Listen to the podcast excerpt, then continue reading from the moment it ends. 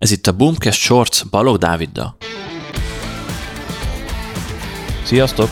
A mai adásban arról fogok beszélni, hogy hogyan tudod automatizálni a vásárlói visszajelzések begyűjtését.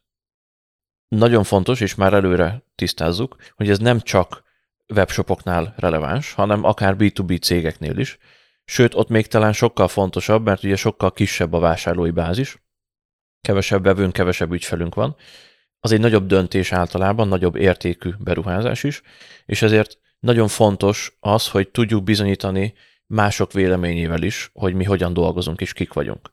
És ne csak arra alapozzon valaki, amit mi leírunk magunkról, mert az ugye még lehet igaz is, vagy nem is.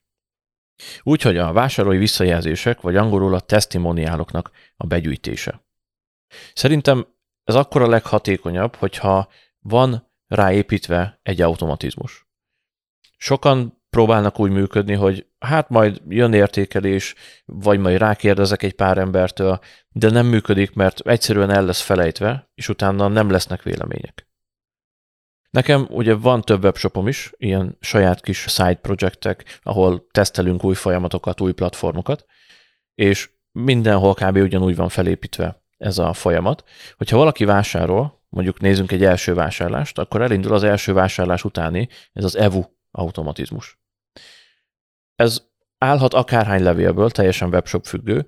Van, ahol olyan három vagy négy levélből áll nálunk, és van olyan is, ahol 8-9 levélből. Attól függ, hogy milyen a brand, hogy mennyi tartalmunk van, mennyire akarunk sztorizni, ez már teljesen ugye vállalkozás függő. Az a lényeg, hogy valaki vásárol, megköszönjük, bemutatkozunk, megerősítjük a döntésben, rákérdezünk, amikor megkapta a csomagot, hogy elégedette, minden rendben volt-e, időben ment el futás, stb. stb. Itt már ugye kiderül egy csomó hiba. Hogyha erre a levélre nem válaszolnak, az már úgymond egy jó jel, mert nem jön panasz. Ugye egy direktbe rákérdezünk, hogy minden pöpece, hogyha nem oké, és akkor pedig általában válaszolnak az emberek, hogy ez vagy az nem tetszett, vagy akár ugye durvább stílusban is írnak. Ezután, hogyha itt valaki nem válaszol, akkor szerintem tök jó bekérni egy vásárlói véleményt. Ez lehet szöveges, lehet képes, lehet videós, nagyon jól működik mindhárom. Hogyha képes, tehát hogy csinál egy fotót, mondjuk egy unboxingot, vagy ahogy használja a terméket, és úgy ír egy véleményt, vagy felveszi videóra, ez itthon ugye annyira nem elterjedt, ezek a legjobbak, mert ezek meghamisíthatatlanok, és nagyon jó marketing anyag a jövőben. És ez is nagyon fontos, hogy ezeket az e-maileket úgy kell megírni, hogy már feltünteted benne azt, tehát leírod az embereknek azt, a vásárlóknak, hogy ezeket a véleményeket, vagy ezt a véleményt, amit majd beküldesz, szeretnénk használni marketing célokra. Tehát, hogyha ezt elküldöd nekem, akkor egyúttal beleegyezel, hogy hirdetésként egy jövőben e-mailben valahol majd megjelenik a te véleményed, névvel, akár képpel vagy videóval, hogyha azt is küldesz hozzá.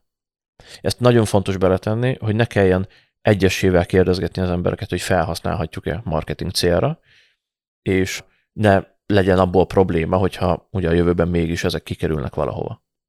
És ez a legfontosabb levél, hogy ez hogyan működik, tehát technikailag hogyan van kivitelezve, akár egy válasz e-mailben megkapod ezeket az infókat, és ugye lemented magadnak a visszajelzéseket. Akár használhatsz szoftvereket, mint a például a stamped.io, stamped.io, így van leírva. Azt hiszem free planjük is van, havi talán ilyen 50 értékelésig, vagy rendelésig, nem tudom most pontosan, és az egy tök jó szoftver, beköthető, automatizálható vele, ez az egész folyamat, és nagyon jól meg tudja jeleníteni a beérkező értékeléseket, akár a webshopodban, weboldaladon is. És ilyenkor még arra is érdemes odafigyelni, hogyha egy ilyen folyamatot épít valaki, hogy mondjuk monitorozni a beérkező értékeléseket. Ugye senki nem akarja azt, hogy ilyen egy-két-három csillagos értékelések legyenek ott a weboldalán, a termékeinél bárhol, viszont akár ezt is ki lehet küszöbölni azzal, hogy mondjuk úgy van beállítva a szoftver, hogy a négy-öt csillagosokat azonnal publikálja, az egy-két-három csillagosoknál pedig elindul egy folyamat, egy automatizmus, ahol megpróbáljuk kideríteni, hogy mi ment félre, mi az oka a, esetleg a panasznak, a rossz véleménynek. Nagyon gyakran egyébként valaki csak mellé kattint, és nem figyeli, hogy csillagozni is kell, csak leírja az értékelését, és így egy csillagon marad.